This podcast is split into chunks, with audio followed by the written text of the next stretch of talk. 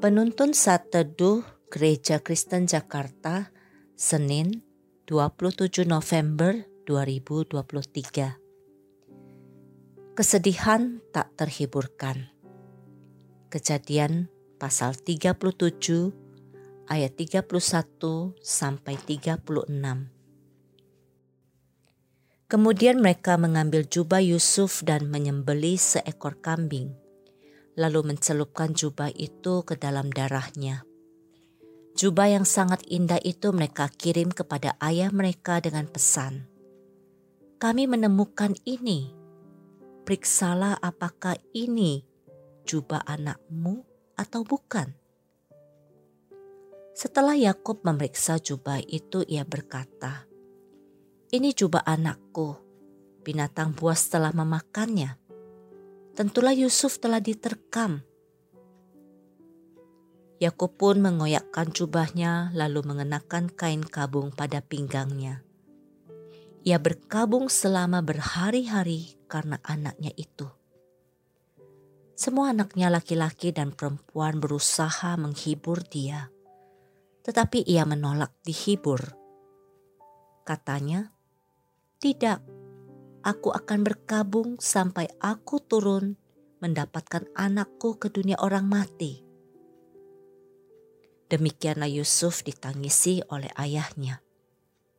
Sementara itu Yusuf dijual oleh orang Midian itu ke Mesir kepada Potifar, seorang pembesar Firaun, kepala pengawal raja.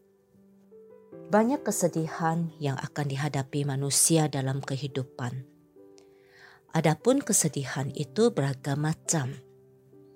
Kehilangan menjadi hal yang menyedihkan dalam kehidupan manusia, terutama oleh karena kepergian orang yang paling kita kasihi.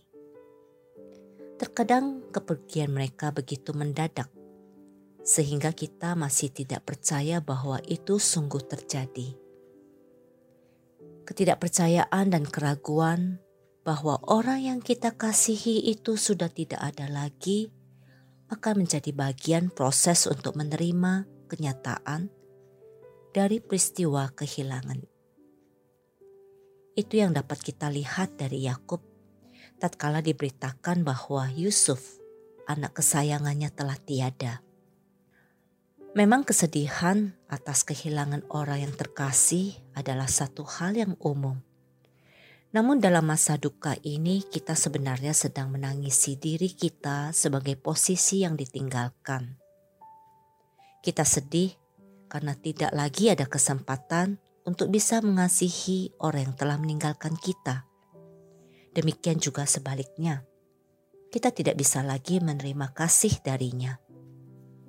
Dengan kata lain, seolah-olah sebagian dari diri kita ikut terbawa pergi dengan orang yang meninggalkan kita. Inilah yang sangat menyakitkan dan melukai perasaan kita. Perasaan kehilangan itu akan terasa amat mendalam oleh karena kuatnya relasi yang telah dibangun. Kesedihan yang amat dalam memerlukan waktu untuk proses pemulihannya Sesungguhnya kita tidak memerlukan banyak nasihat dari orang sekitar. Itu juga yang dialami Yakub yang menolak penghiburan dari anak-anaknya.